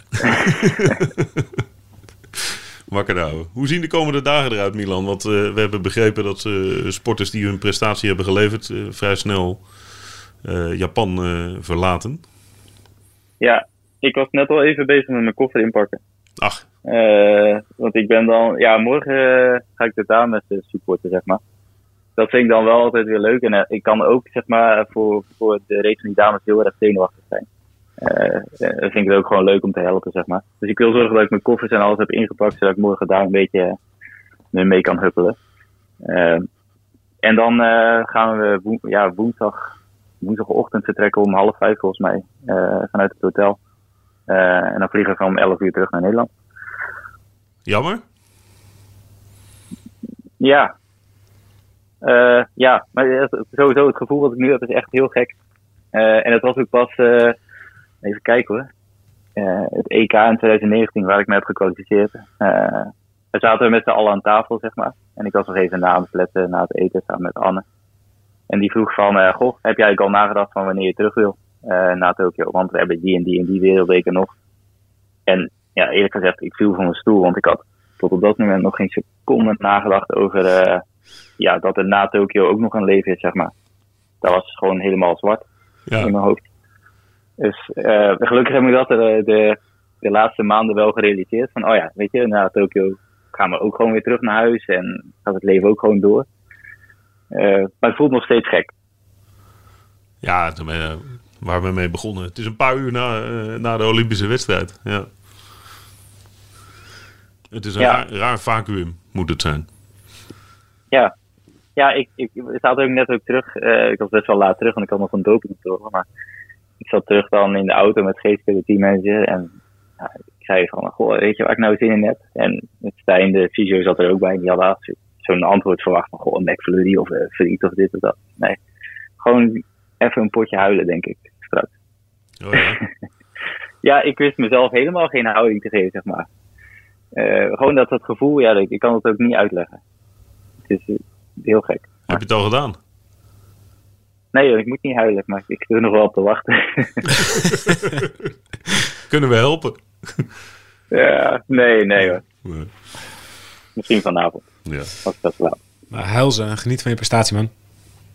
Ja, super. Dankjewel.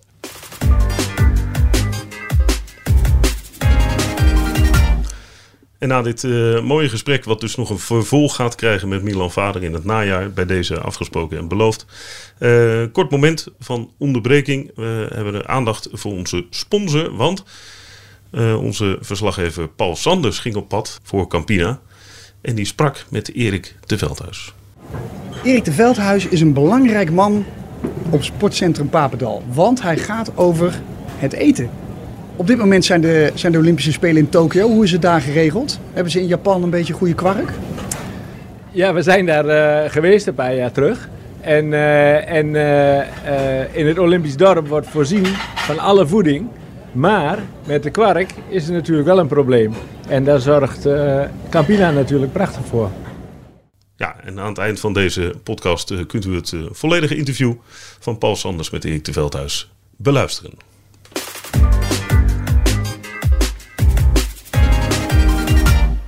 Tot zover de aandacht voor de sponsor Campina. We gaan naar Maya. Campina eh, sponsor. Je nog Van, van de podcast? Ja? Oh? Had je nog niet door? Nee, wist ik niet. Oh, Leuk. dat wist hij ze ook niet. Wij, wij kregen... In, Dat is leuk- wij- dat is leuk, toch? In, Rio waren ze ook sponsor van eh, Team NL. ja. Er stond er zo'n... eh, heb je heel grote koelkasten met, met Campina yoghurtjes altijd. en dan ging iedereen... Kijk, normaal eet je dan niet heel vaak kwark of zo. Maar dan ging iedereen eten van die bakken kwark pakken. En dan die bakken kwark leeg eten. en er zit dan ook zo'n soort jammetje onder, weet je wel. Dat is het lekkerst. Dat is lekker natuurlijk. maar goed, dat zijn wel de gevaren op de Spelen. Dat je in één keer iets totaal anders gaat doen wat je altijd doet.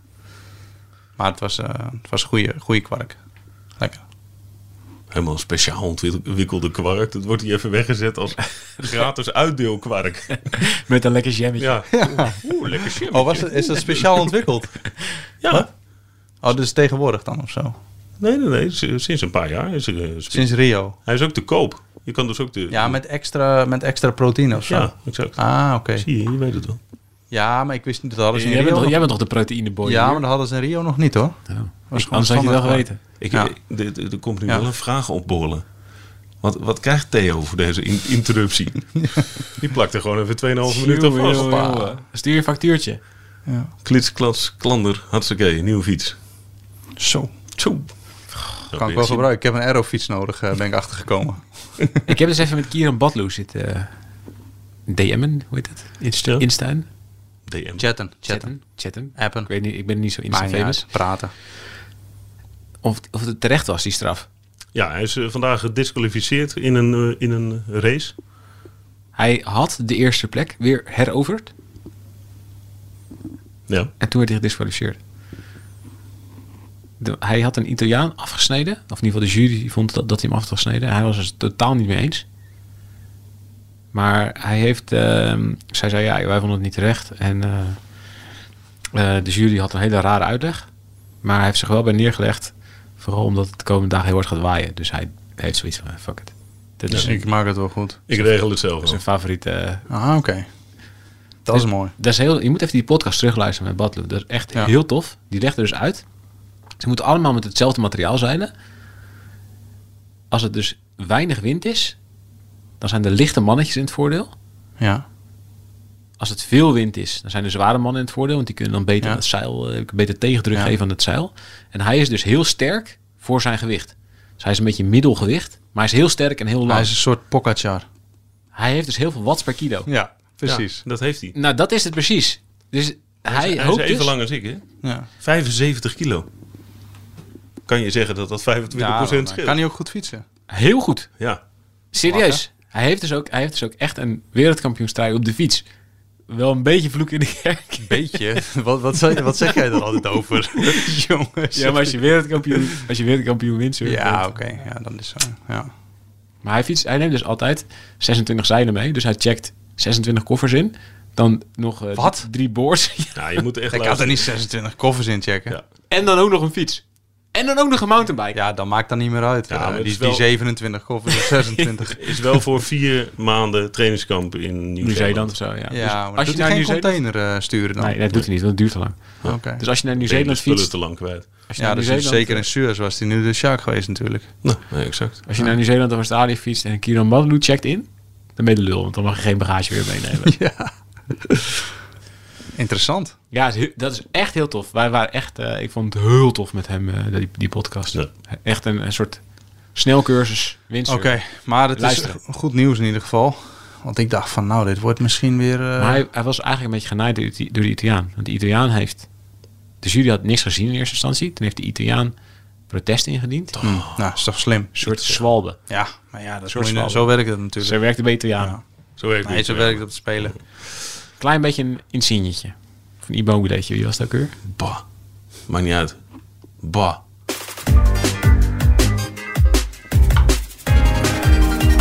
Ooit een triathlon gedaan?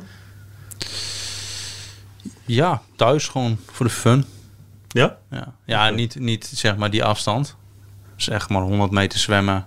En toen naar huis gefietst.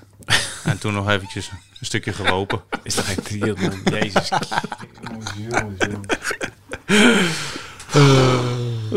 Maar goed.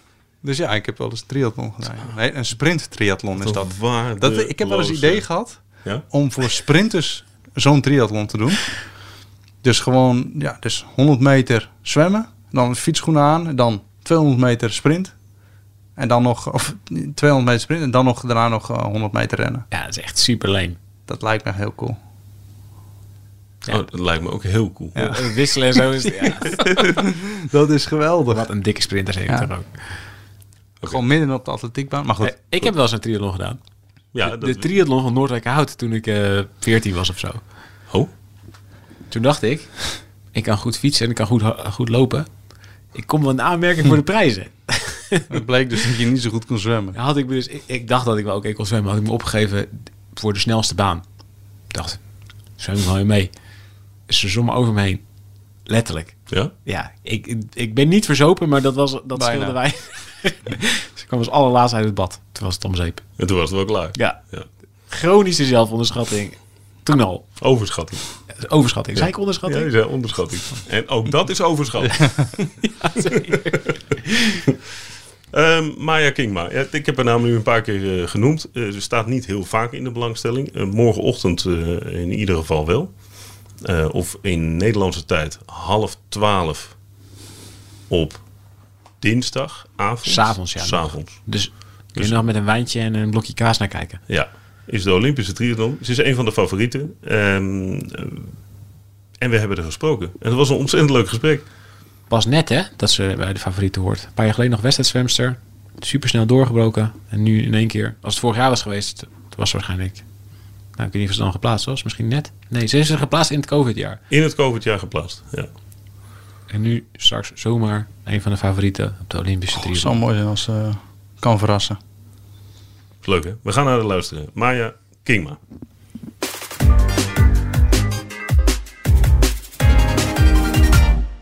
Hoi, met Maya. Maya Kingma, een hele goede morgen voor ons op dit moment. Hey Maya, Hi, ja. Ja, Goedemorgen. Hi, goedemorgen. ter introductie Thijs Zonneveld, Theo Bos, Hide van Warmerdam. eh, van de Hallo Tokyo, Hi. Tita Tokyo podcast. Wat fijn dat we je even mogen bellen. Ehm, eh, om maar eens even te beginnen. we hebben er gestoord hè. Ze zat gewoon te eten in de dining hall. Hoe is dat eigenlijk, Maya? Is het een beetje gezellig daar? Zit je met allemaal mensen door elkaar? Ja, het zitten allemaal door elkaar inderdaad. Maar eh, de tafeltjes staan eh, eigenlijk in lange rijen met ja, allemaal schermen ertussen. Dus eigenlijk kun je niet eens praten. Ze zitten wel tegenover elkaar, maar echt verstaan ook doe je elkaar niet. Dus niet de gezelligste plek eigenlijk. En wel met heel veel mensen. Pas je, pas je een beetje op voor de roeiers. Ja, zeker. Ja, voor de hele vlucht toch? Ja, ongelooflijk. Ja, echt. Ja, als je Olympische droom op zo'n manier ten einde komt, het is wel echt eh, ongelooflijk. Weten jullie van elkaar wie er op de vlucht zat? Zijn het een soort paria's? De mensen die op de vlucht zaten? Mm, ik weet het niet eigenlijk. Ik weet alleen maar dat ik er niet zat. Eh, wij hebben een beetje als triathlon, we racen heel ochtends vroeg. Dus we hebben echt een beetje een ander ritme ook. Dus eh, ja, het is hier nu, eh, wat is het, kwart over negen. Maar ik ga eigenlijk nu voor mijn lunch. Ik heb al gezwommen en ik heb al gefietst. Zo. Dus ja, dus ja, we hebben toch een beetje ander ritme. Dus komen ook niet heel veel andere Nederlanders tegen eigenlijk. Ja, voor de duidelijkheid, eh, jouw wedstrijd is. Nu gaan alle tijdzones door elkaar, maar we gaan vanuit Japan-tijd. Jouw wedstrijd is morgenochtend vroeg om half zeven. Ja, klopt ja. Ja, en onze eerste transfer gaat om 3 uur 45. Dus eh holy ja, dat is eh, gewoon midden in de nacht eigenlijk. Ja. Maar jij staat dus gewoon al, al dagen of misschien al weken, sta jij op die tijd op? En dus ook midden in de Japanse nacht? Ja. Ja, ja, ik, vanochtend inderdaad ook om, eh, om half vier. Ik ga eigenlijk niet om drie uur opstaan, dat vind ik wel heel heftig. Ja, eerder kan ik toch niet slapen. En eh, ja, in de kamer is toch ook wel heel eh, luidruchtig. Zeg maar, je hoort gewoon heel veel, dus eerder dan acht uur lukt gewoon niet. Maar ja, ik probeer wel een beetje dat ritme te verschuiven inderdaad, gek genoeg.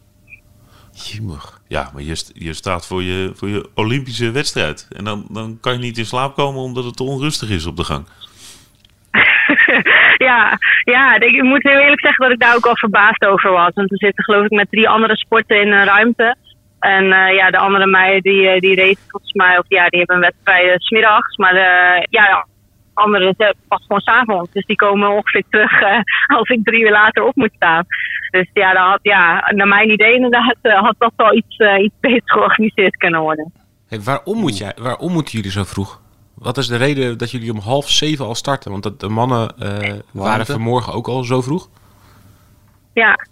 ja, ik denk omdat ze gewoon eh, de echte hitte tegen willen gaan. Ehm, maar ja, ik denk dat je ook aan het einde van de dag had kunnen racen in plaats van heel ochtends vroeg. Ja. Ja, een einde dag is lekkerder dan, eh, dan ochtends vroeg. Dat, dat is een logica die klopt dus. Ja, Ja. ja precies. Ja. Kan je het? Ben, ben, je, ben je er geschikt voor? Krijg je het voor elkaar om, eh, om het op te brengen, om zo vroeg eh, wakker te zijn en, eh, en heel goed te zijn? Ja, ik denk het wel. Ik, ik kom echt uit het wedstrijdzwemmen, dus ik ben wel gewend aan, aan vroege zwemtrainingen. We begonnen vroeger ook altijd om kwart voor zes en dan moet ik op de fiets daarheen. Dus ik, zo gezien is, het gewoon, is het gewoon doen. En eh, ik, ik merkte wel echt de afgelopen twee dagen van, oh ja, oké, nee, vier uur 's ochtends is niet gewoon... eh, ik was vanochtend ook om kwart over drie, was ik uit mezelf al wakker. Dus het, eh, het, het past redelijk aan nu. Ja, nou, dan hadden we eigenlijk om, om kwart over drie al kunnen bellen. Want ik was nog wakker huilig aan het werk, omdat het tijdsverschil in Nederland ons daartoe dwong. Ja. Dus we hadden veel eerder kunnen bellen. Oh ja. ja, ongelooflijk. Hey, ben jij een van de favorieten, Maya? Ja, zo word ik wel bestempeld. Dat, Ja, eh, je ja. hebt ook zo'n eh, ja, zo'n fantasy eh sports game en zo. En ik zie mezelf ook al heel veel stories langskomen.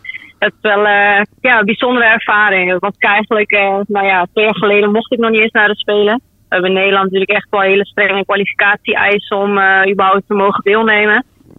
En eh, ja, vorig jaar eigenlijk in het COVID-jaar heb ik me gekwalificeerd. Eigenlijk ook op een, eh, ja, op een speciale manier dan de normale kwalificatiecriteria. Vertel eens. En eh, ja, nou ja, we, we hadden uiteindelijk, wij hebben eigenlijk ons WK bestaat uit meerdere wedstrijden, dus meestal een stuk of zeven. Ehm, en dat is dan een serie. En we hebben een Olympische afstand, dus ja, die doen we op de Spelen. Ja. Dat is anderhalf kilometer zwemmen, 40 fietsen en 10 kilometer lopen. Eh, en we hebben een sprintafstand. En omdat de Spelen natuurlijk de Olympische afstand zijn, heeft NRC-NSF besloten dat wij dan op een Olympische afstand moeten kwalificeren. In zo'n WK-seriewedstrijd. Eh, en dan moeten we een top 6 halen. Dus ja, Nederland zijn natuurlijk eigenlijk alleen maar medaillekanshebbers. Eh dus volgens mij in elke sport eigenlijk zo. Ehm, alleen we hadden geen WK-serie. Dus we hadden één los WK. Eh, dat was een sprint in Hamburg. Daarna werd ik zesde. En een week later was er een wereldbeker die eigenlijk even sterk bezet was. En ja, daarin had ik mijn eerste podium. Eh, dus eh, dat was wel een Olympische afstand. Dus uiteindelijk in combinatie, zeg maar, die twee wedstrijden heeft NRC wel besloten dat dat eh, ja, voldoende was voor kwalificatie. Ja, waar ik natuurlijk heel blij mee was. Want het was ja, heel onzeker jaar. Ik wilde me eigenlijk inderdaad begin 2020 gewoon kwalificeren. En dan ja, richting de Spelen werken. Maar ja, dat werd ja, natuurlijk heel, heel anders voor heel veel sporten. Maar ja, begin dit jaar begon onze WK-serie weer met eh, Yokohama. Waarin ik derde werd. En eh, ja, de wedstrijd daarna in Leeds, eh, daar won ik. Dus ik sta nu ook ja, als leider in het WK-klassement. Ja. Ja ik, ja, ik word zo wel gezien inderdaad. Het is wel ja, het is heel snel gegaan eigenlijk. ja, afgelopen half jaar. Hoe is dat dan? Voel je dan heel veel druk? Want het lijkt wel alsof het, het is een beetje overkomen de afgelopen paar jaar. Als je het zo, als je het zo vertelt. Ja, ik denk het wel. Ik wist altijd wel, ik, kom uit het zwemmen. En met zwemmen heb ik eigenlijk vanaf dat ik hier nu op ben, zit ik gewoon bij de beste van de wereld. Eh, met fietsen, ja, ook. Ik heb daar gewoon heel hard aan gewerkt. En ik kan echt wel zeggen dat ik een van de sterkste fietsers ben. Eh, ik ben in Yokohama ook gewoon weggereden met een andere dame. En in Leeds ook gewoon weggebleven met de drie, twee andere dames. Eh, ze maken wel echt verschil op de fiets nu. Ehm, maar ja, het is ook gewoon onze triathlons ja, zijn wel een beetje zoals eendagskoersen, zeg maar. Gewoon in het wielrennen. Het kan gewoon heel veel gebeuren. Eh, we mogen dus ook steden, samenrijden in groepen.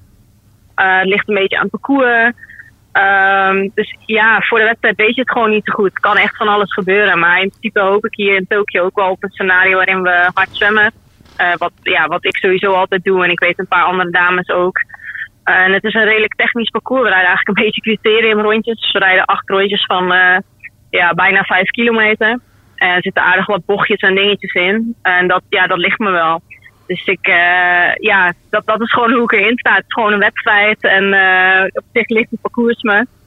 Eh, ik ben iets minder goed in de hitte, maar het gaat waarschijnlijk regenen morgen tijdens onze wedstrijd. Lekker, Dus, masselaar. eh, ja, bijna, bijna een Nederlandse wedstrijd. Dus, eh, Maar ja, even, over die, eh, die Olympische afstand is dan eh, wat, eh, wat korter. Hè? Je hebt net de afstanden gezegd. Als je een goede zwemmer bent, en dat ben jij, en je mag steren tijdens het fietsen, oftewel je mag bij elkaar blijven rijden, dat lijkt me een enorm voordeel. Ja, zeker. Ja, je ziet een beetje golven in, in eigenlijk hoe de triathlonwedstrijden verlopen. Een paar jaar geleden ja, was ik dat ook. Maar dan kwam ik eigenlijk in mijn eentje uit het water of met twee, drie anderen. Ja, en was ik gewoon niet sterk genoeg om, om weg te blijven. Dus dan ja, kwam eigenlijk het fietsen kwam toch allemaal weer bij elkaar. En dan eh, begon je met een grote groep aan het lopen. Eh, dus voor mij was het heel duidelijk van ja, ik moet gewoon echt werken aan dat fietsen. En zorgen dat ik weg kan blijven. En dat, eh, ja, dat hebben meerdere dames gedaan. Dus dat, is, ja, dat, dat zie je nu inderdaad wel, dat, dat spelletje van ja, lukt het om ver genoeg voor, voorsprong te krijgen met het zwemmen? Lukt het om dat gaatje te vergroten met fietsen of komen ze terug? Eh, dit, ja, in principe als je inderdaad een sterke zwemmer fietser bent, ja, dan heb je toch al twee derde van de sporten natuurlijk in triathlon eh, ja, wel al gehad. Ja, maar daarom ligt dus dat parcours ook met veel bochtjes erin en zo. Als het heel veel rechtdoor en vlak is, dan kunnen ze achter goed samenwerken. Ja, ja, precies. En je ziet toch wel, eh, triathlon, ja, je moet gewoon drie sporten echt wel serieus goed kunnen beoefenen. Eh, je ziet dan bij sommige dames en ook bij de heren wel dat sommige atleten gewoon een bepaalde sport minder eh, onder de knie hebben. Dus voor mij is dat heel lang het lopen geweest. Eh, maar je ziet zeker bij ons bij de dames dat er gewoon, ja, er worden gewoon technisch gezien niet goede bochten gereden. Er zijn echt maar een paar die dat kunnen.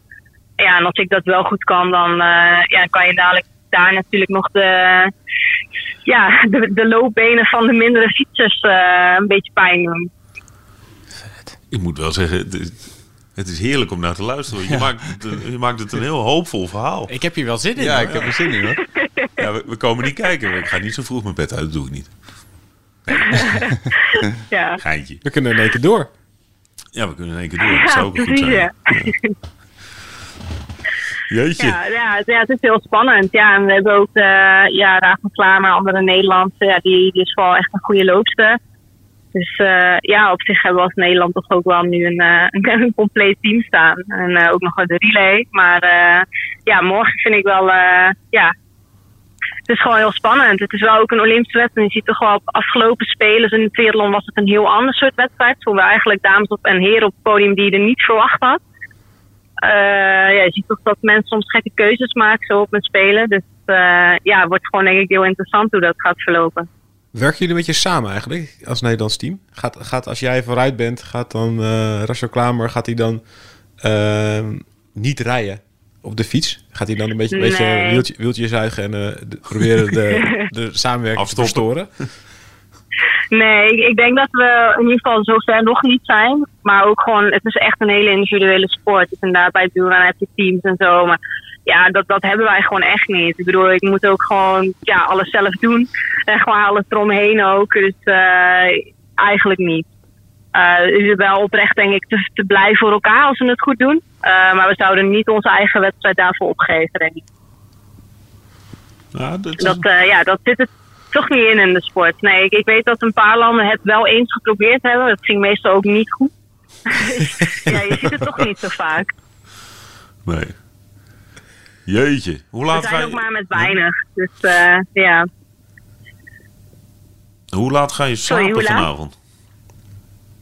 ja, ik, eh, ik, ik hoop rond een uur of zeven gewoon naar bed te gaan. En dan, eh, ja, ergens half acht in slaap te vallen. Acht uur uiterlijk. Het wordt gewoon een iets korter nachtje. Dus ik eh, ga zo meteen nog even voor mij dan een middagdutje doen. Ja. Zo meteen voor jou een middagdutje, ja. De- Ja. Het begint goed door elkaar te lopen. Een middagdutje om half tien. Heb je de rest wel verteld, jongens? Allemaal je klep houden, want eh, Rachel en ik eh, moeten morgen aan de bak. ja, dat hebben we het al meerdere keren verteld. En iedere keer als we zeggen, ja, we moeten morgen ook om vier uur op, dan, eh, dan vallen de monden wel open. Ja, het is echt wel eh, ongelooflijk. Maar eh, Wie, wie zijn de Ja. grote herriemakers eigenlijk op de gang? Namen. oeh, dat, Van wie heb je het meest Rugnummers. eh, Maya? Durf ik eigenlijk niet te zeggen. Nee, ik weet dat eh, de, de en de, en de tafeltennissers zijn, eh, zijn heel eh, lichtvoetig. Dus dat, dat gaat prima. Ah, Alleen, ja, ik geloof dat de handboogschutters en zo, die hebben ook gewoon wat latere wedstrijden. En, eh, ja, Altijd weer die handboogschutters. Ja, ik, ik, ga ook, ik ga ook 's ochtends vroeg met mijn fiets naar buiten. Dus ja, misschien hebben ze ook al wat gehoord. Ja, ik kan ik helaas niks aan doen. Even langs die deuren rammen. nou, rammel eens even wakker als je vannacht opstaat. Ja. Mag iedereen het weten. Ja, nee, komt goed. Mogen we eh, eh, morgen na je wedstrijd eh, zo een beetje weer eh, contact hebben? Ja, zeker. Ja? Nou ja, probeer maar. Ja, ik weet we- niet wanneer ik terug ben, maar eh En misschien, komt misschien, wel goed. misschien We lig je wel voor je dat, je heel, dat, je, dat het heel lang duurt. Dat betekent dat je nog ergens een podiumceremonie hebt gehad. Ja, inderdaad. Dat je lang slecht bereikbaar bent. Dat zou het beste teken zijn. Oké, ja. Nou, dan weten jullie het snel genoeg waarschijnlijk. Heel goed. Eh, Maya, eh, heel veel succes. Heel fijn dat we je eh, even mochten spreken zo in de laatste dag voor je wedstrijd. Voor de Nederlandse luisteraars, Ja, half tof. twaalf Nederlandse tijd. Start. Als ik het goed reken. Yes, Ja, klopt. Half twaalf. Ja. ja. ja. Maandag inderdaad. Dus dan is Yes. iedereen nog wakker. Ja. Heel goed. Dankjewel, Maya. Alle succes. Jo, dank jullie wel.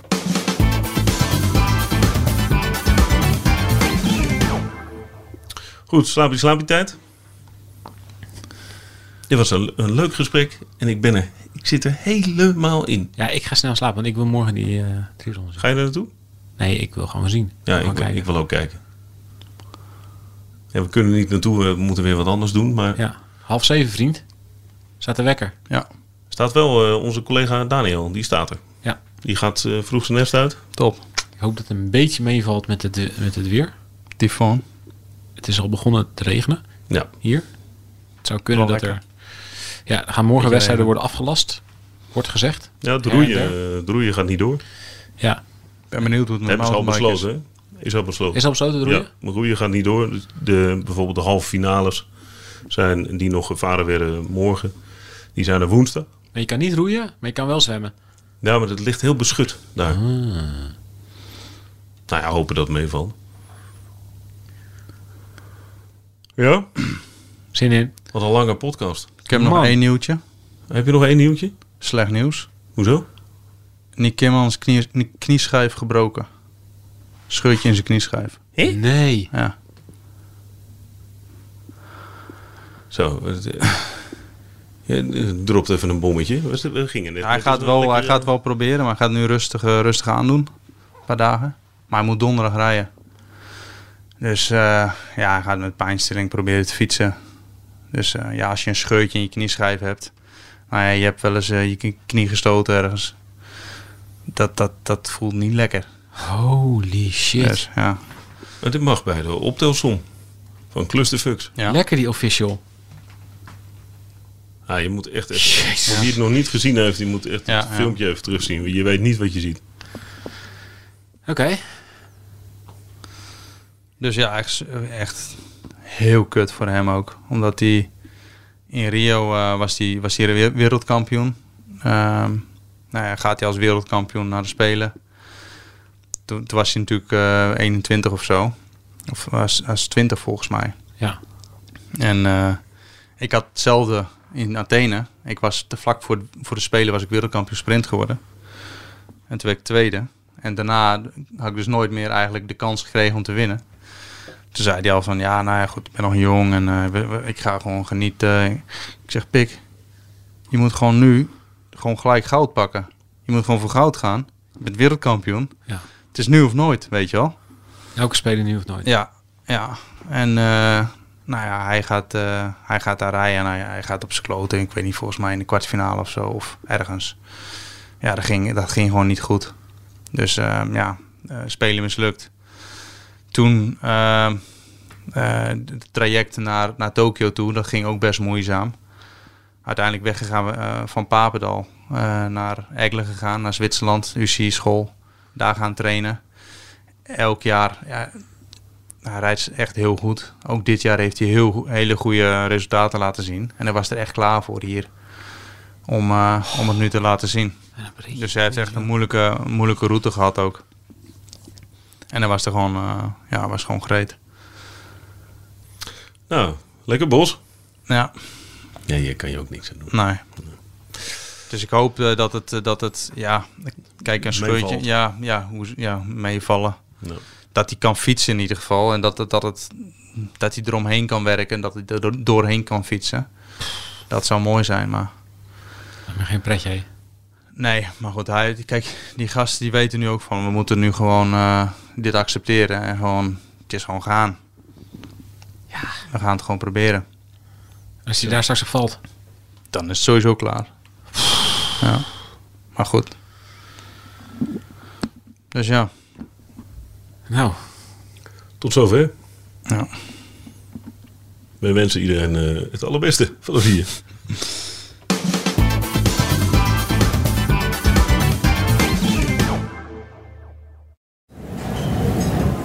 Erik de Veldhuis is een belangrijk man op sportcentrum Papendal. Want hij gaat over het eten. Heel belangrijk voor een atleet. Ja, dat klopt. Eh, ja, zonder eten geen leven.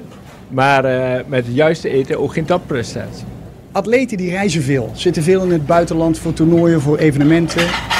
Daar hebben ze dan misschien niet zo'n hele mooie kwarkbar voor hun neus. Maar daar is het misschien wat moeilijker om aan goed voedsel te komen. Ja, hoe, hoe doen atleten dat? Of hoe moeten ze dat doen in het buitenland? Nou, in het buitenland is het natuurlijk niet meer zo voorradig. En eh, je weet ook niet precies als je het in een hotel, eh, wat houdt dat dan precies in? Maar een, eh, een atleet die houdt ervan om alles goed te regelen van tevoren. Dus een eiwitshake is heel makkelijk mee te nemen. En daar zorgt Campina natuurlijk ook al jaren voor, voor alle Olympische atleten. Op dit moment zijn de, zijn de Olympische Spelen in Tokio. Hoe is het daar geregeld? Hebben ze in Japan een beetje goede kwark? Ja, we zijn daar eh, geweest een paar jaar terug. En, eh, en eh, in het Olympisch dorp wordt voorzien van alle voeding. Maar met de kwark is er natuurlijk wel een probleem. En daar zorgt Campina natuurlijk prachtig voor. Ja, wat, wat, wat, wat, is, wat is het probleem als het gaat om Japan? Het is een hele andere cultuur, andere eetgewoontes. Het is eigenlijk andersom. In, in, het, in het Olympisch dorp mag je alleen maar eten daar ter plekke. En eh, eh, we hebben daar al eens een keer rondgekeken wat er aan wordt geboden. Eh, er zijn zuivelproducten met veel lage eiwitgehalte. En je mag niks meenemen naar buiten die Olympische restaurants, zeg maar. En dat is net, het probleem, want je wil s'avonds laat voor het slapen gaan nog wat kwark hebben. S'morgens vroeg al lekker wat hebben. Dus als extraatjes. Nou, en daar zorgt nu al jarenlang Campina voor. Is er eigenlijk tijdens zo'n Olympische Spelen zoals nu, is er dan contact met de atleten daar? Over het eten? Met u? Niet met mij. Nee, dat is echt met eh, de individuele sportdiëtist. Maar wij, wij ondersteunen wel maximaal eh, daar waar mogelijk. Eh, dat is hulp bieden daar ter plekke om die logistiek van die kwark goed te regelen. We hebben ook mensen eh, eh, repen meegenomen en dergelijke. Dus eh, ja, zoveel mogelijk ondersteunen ja, waar het kan. En stel, een atleet wint tijdens de Spelen een, een gouden plak. Maakt niet uit op welk onderdeel. Denkt u dan ook niet een heel klein beetje, nou, dat is ook wel een beetje, ook een heel klein beetje mijn medaille. Nee, dat is niet. Maar we zijn wel reuze trots. Maar ook ja, hebben we heel veel compassie voor degene wie het niet lukt. Want je maakt iedereen toch ook mee eh, gedurende het hele jaar.